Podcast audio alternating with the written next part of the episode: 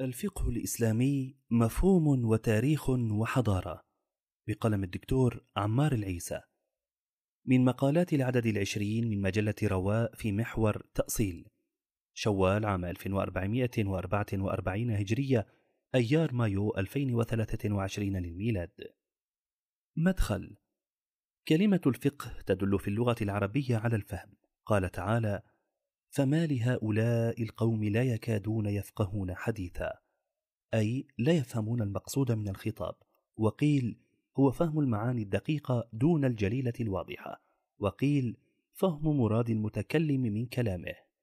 والفقه الإسلامي يعني فهم ومعرفة جميع مسائل الدين اصولا وفروعا عقائد واحكاما واخلاقا وهذا هو معنى الفقه الذي جاءت نصوص الشريعة في بيان فضله ومكانته والحث على تحصيله وطلبه. كقوله تعالى فلولا نفر من كل فرقة منهم طائفة ليتفقهوا في الدين ولينذروا قومهم إذا رجعوا إليهم لعلهم يحذرون. وقول النبي صلى الله عليه وسلم من يرد الله به خيرا يفقهه في الدين. أخرجه البخاري ومسلم. ثم استقر الأمر على إطلاق مصطلح الفقه على الأحكام العملية والتي تشمل العبادات والمعاملات وأحكام الأسرة والجنايات والقضاء وما إلى ذلك دون مسائل التوحيد والاعتقاد ودون قضايا السلوك والتربية والأخلاق. نشأة الفقه الإسلامي وتطوره. مر الفقه الإسلامي منذ نشأته بعدة مراحل يمكن إجمالها في التالي. واحد مرحلة النشأة والتكوين. عصر الرسالة. وفي هذا العصر اكتمل نزول الدين وإرساء أسس الشريعة وقواعدها. كما قال تعالى اليوم أكملت لكم دينكم وأتممت عليكم نعمتي ورضيت لكم الإسلام دينا. فلم يتوفى النبي صلى الله عليه وسلم إلا بعد اكتمال الدين.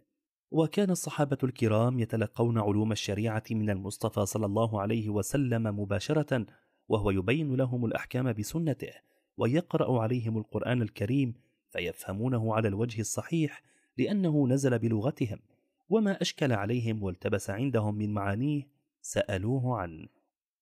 اثنان عصر الصحابة. وقد تميز هذا العصر بكثرة النوازل والأحداث خاصة بعد الفتوحات ودخول الكثير من الشعوب في الإسلام فاحتاجوا إلى الاجتهاد وإلحاق هذه الحوادث بما يماثلها أو يشبهها من الأحكام الواردة في الكتاب والسنة. ومن هنا ظهر العمل بالقياس وطرق الاجتهاد التي أشارت الأدلة الشرعية إليها ودلت على اعتبارها. كما ظهر في هذا العصر تقرير أحكام الشريعة اعتمادا على مصدر ثالث دلت على اعتباره الأدلة الشرعية وهو اتفاق أهل العلم في وقت من الأوقات على حكم شرعي وهو ما عرف بالإجماع.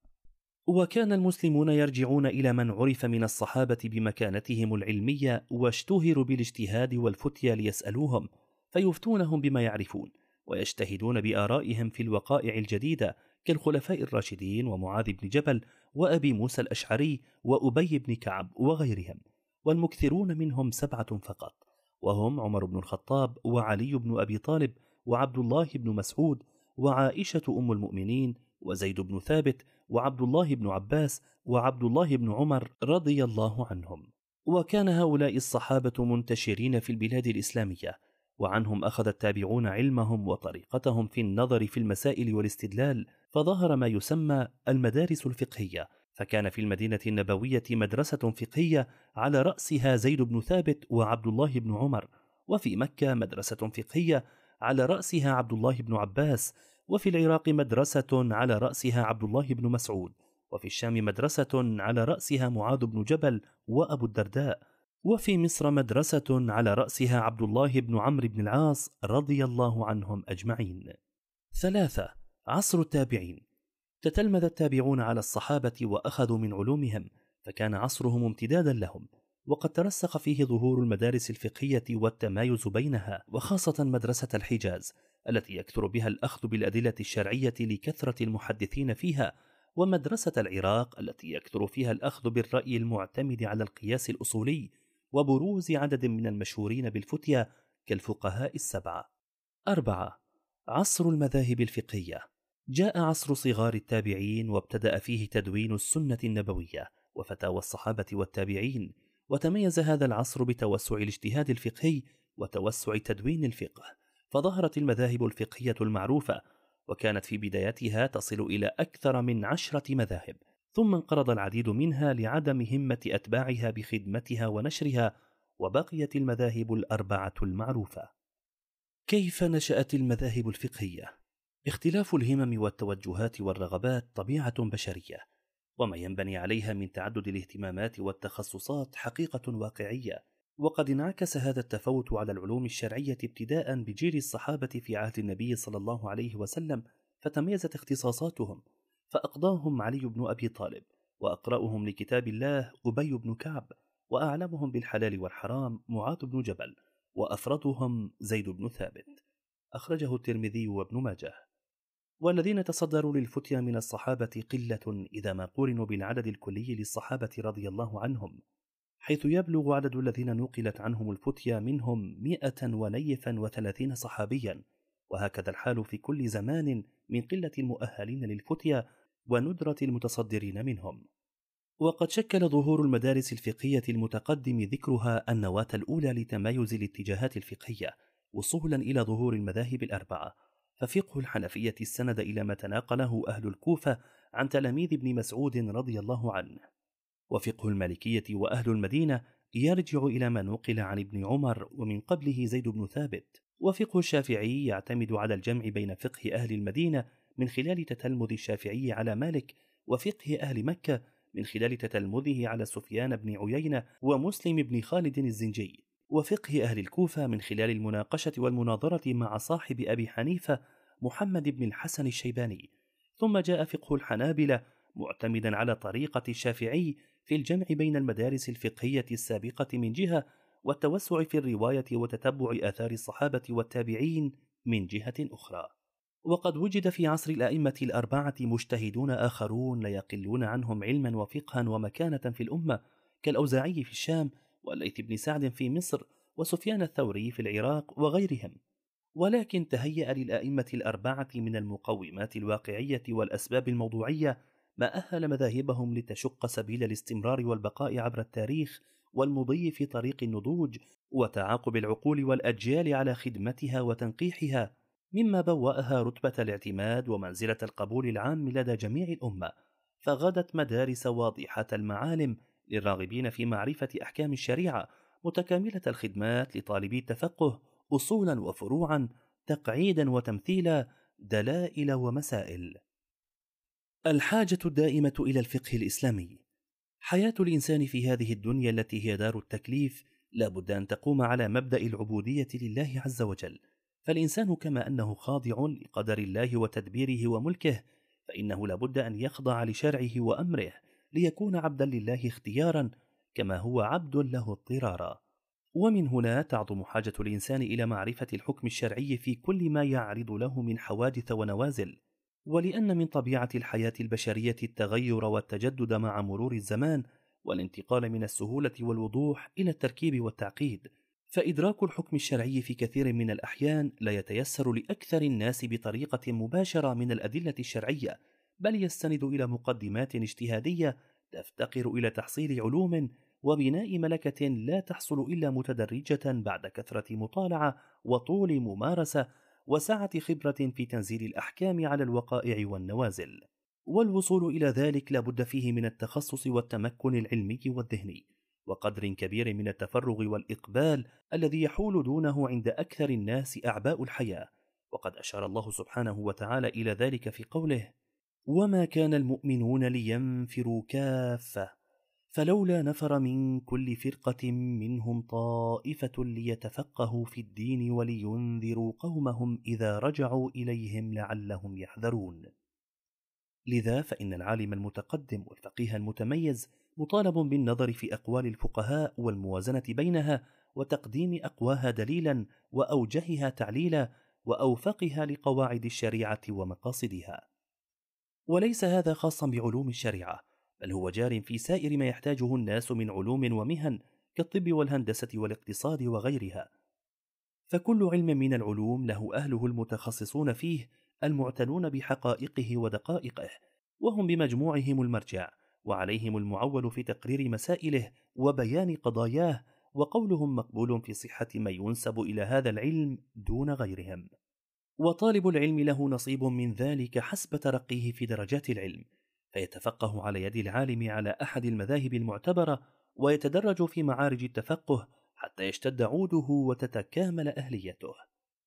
أما العامي وهو غير المتخصص فيرجع إلى العالم فيسأله عن الحكم الشرعي ويأخذ بفتياه.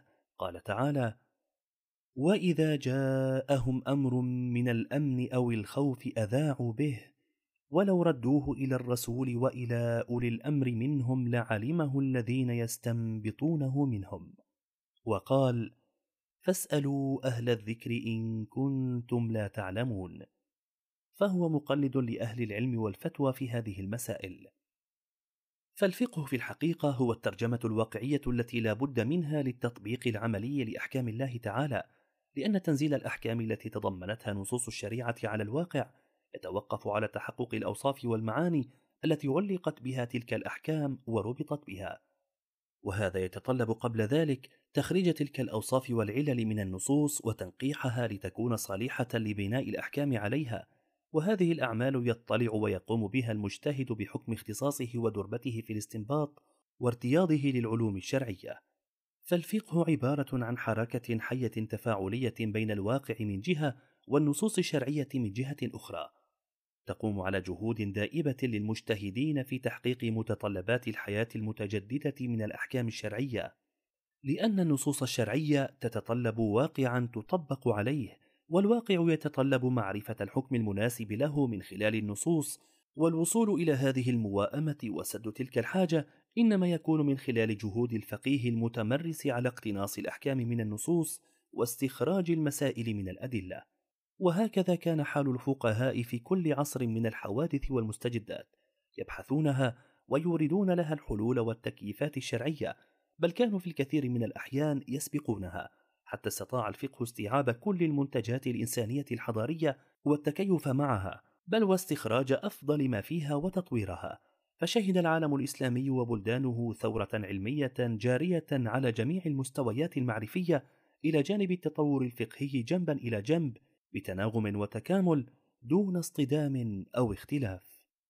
دور الفقيه في المواءمة بين الأدلة والوقائع ومع تنوع مجالات الحياة وتعدد اختصاصاتها في العصر الحالي تزيد مسؤولية الفقيه في إدراك واقع تلك المجالات وتحرير ما يؤثر منها في الحكم الشرعي فلا يتمكن المفتي ولا الحاكم من الفتوى والحكم بالحق إلا بنوعين من الفهم.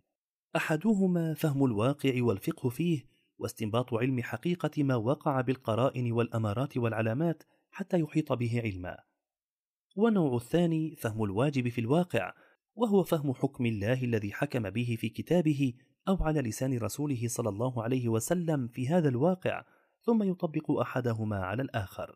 وكلما تطورت مناحي الحياة وتجددت أساليب التعامل وتغيرت أنماط التفاعل بين مكوناتها عظمت الحاجة إلى دور الفقيه والمجتهد الواقعي الذي يحافظ على أصالة الفقه ويحرس قداسة النصوص من جهة ويوائم الواقع ويتفاعل بإيجابية مع التغيرات المتسارعة من جهة أخرى.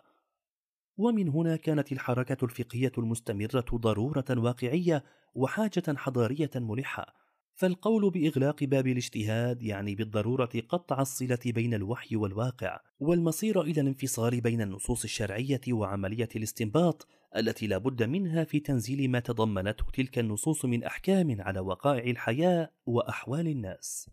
وإبقاء هذه الصلة حية قوية لا بد منه في استمرار صلاحية أحكام الشريعة لكل زمان ومكان ولا يكفي لقطعها التذرع بضعف الأهلية والخوف من الفوضى الدينية لتبرير الدعوة إلى إغلاق باب الاجتهاد وإنما يتطلب هذا الدعوة إلى الانضباط في ممارسة الاجتهاد والاحتكام في تقويمه واعتباره إلى القواعد المعتبرة والشروط المقررة والمصير في القضايا الكبرى والشؤون العامة إلى الاجتهاد الجماعي عبر هيئات العلماء ومجالس الإفتاء الموثوقة تحقيقا للمرجعية وضبطا لإيقاع الفتاوى الشرعية وحماية لعموم الناس من أثر اضطراب الفتاوى الفردية.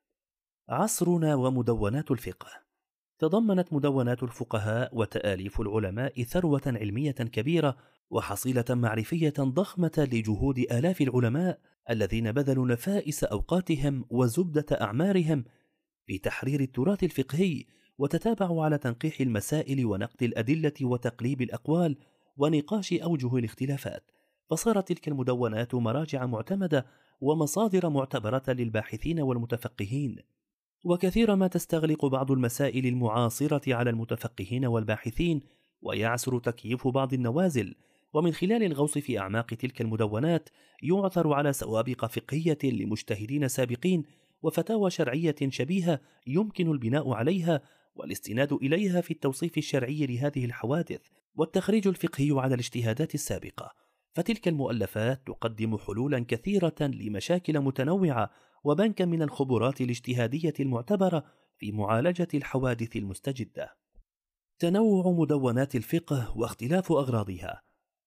تشكل كتب الفقه مجموع جهود علماء الأمة الإسلامية عبر القرون في بيان أحكام الله من أصول الشريعة وفق مناهج اجتهادية معتبرة ومسالك تفقهية منضبطة وهي على مستويات متعددة.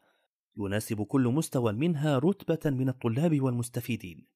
فمنها الكتب المختصرة التي تذكر في كل مسألة قولا واحدا في أحد المذاهب الفقهية فتكون مناسبة للمبتدئين في دراسة الفقه وطالبي معرفة الأحكام من عموم الناس.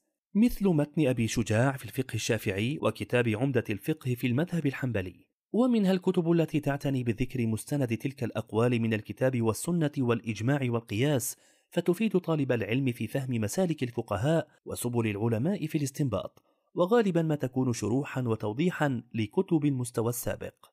ومنها كتب أوسع تتناول تحرير الأقوال والخلافات داخل المذهب الواحد ليتمرن الطالب على معرفة الخلاف ومآخذ الأقوال ومنهجية اختيار الأقوال للفتوى والعمل مثل كتاب المهذب للشيرازي عند الشافعية وكتاب الكافي عند الحنابلة. ومنها كتب موسعة في عرض مذاهب الفقهاء والاستدلال لها والموازنة بينها مثل كتاب المجموع للنووي وكتاب المغني لابن قدامة. ومنها كتب الفتاوى التي تعتني بالإجابة عما يعرض للناس من مشكلات ومواقف يحتاجون فيها إلى معرفة الحكم الشرعي وتورد ما يتكرر حصوله ويكثر السؤال عنه.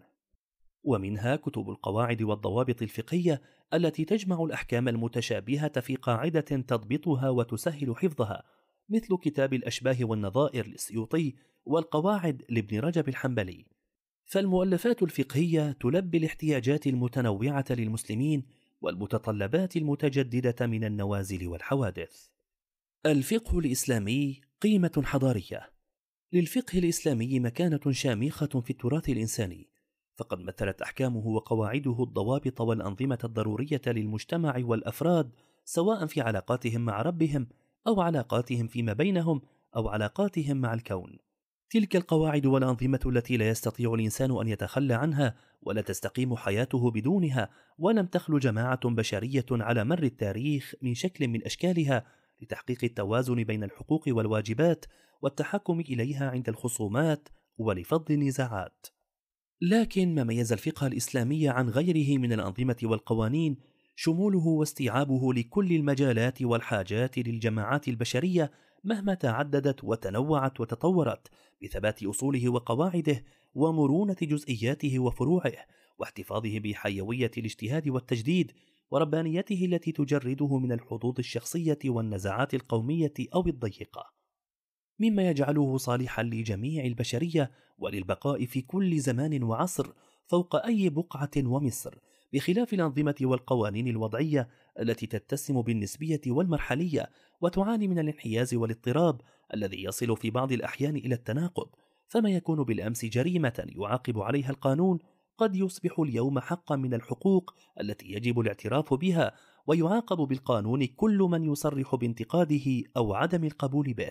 بل ربما تتكاتف الدول المتعددة لإلزام الدول الأخرى به والتلويح بالعقوبات في حال عدم الرضوخ لذلك، كما يحصل هذه الأيام من الترويج للقوانين التي تخالف العقل وتخرج عن الفطرة.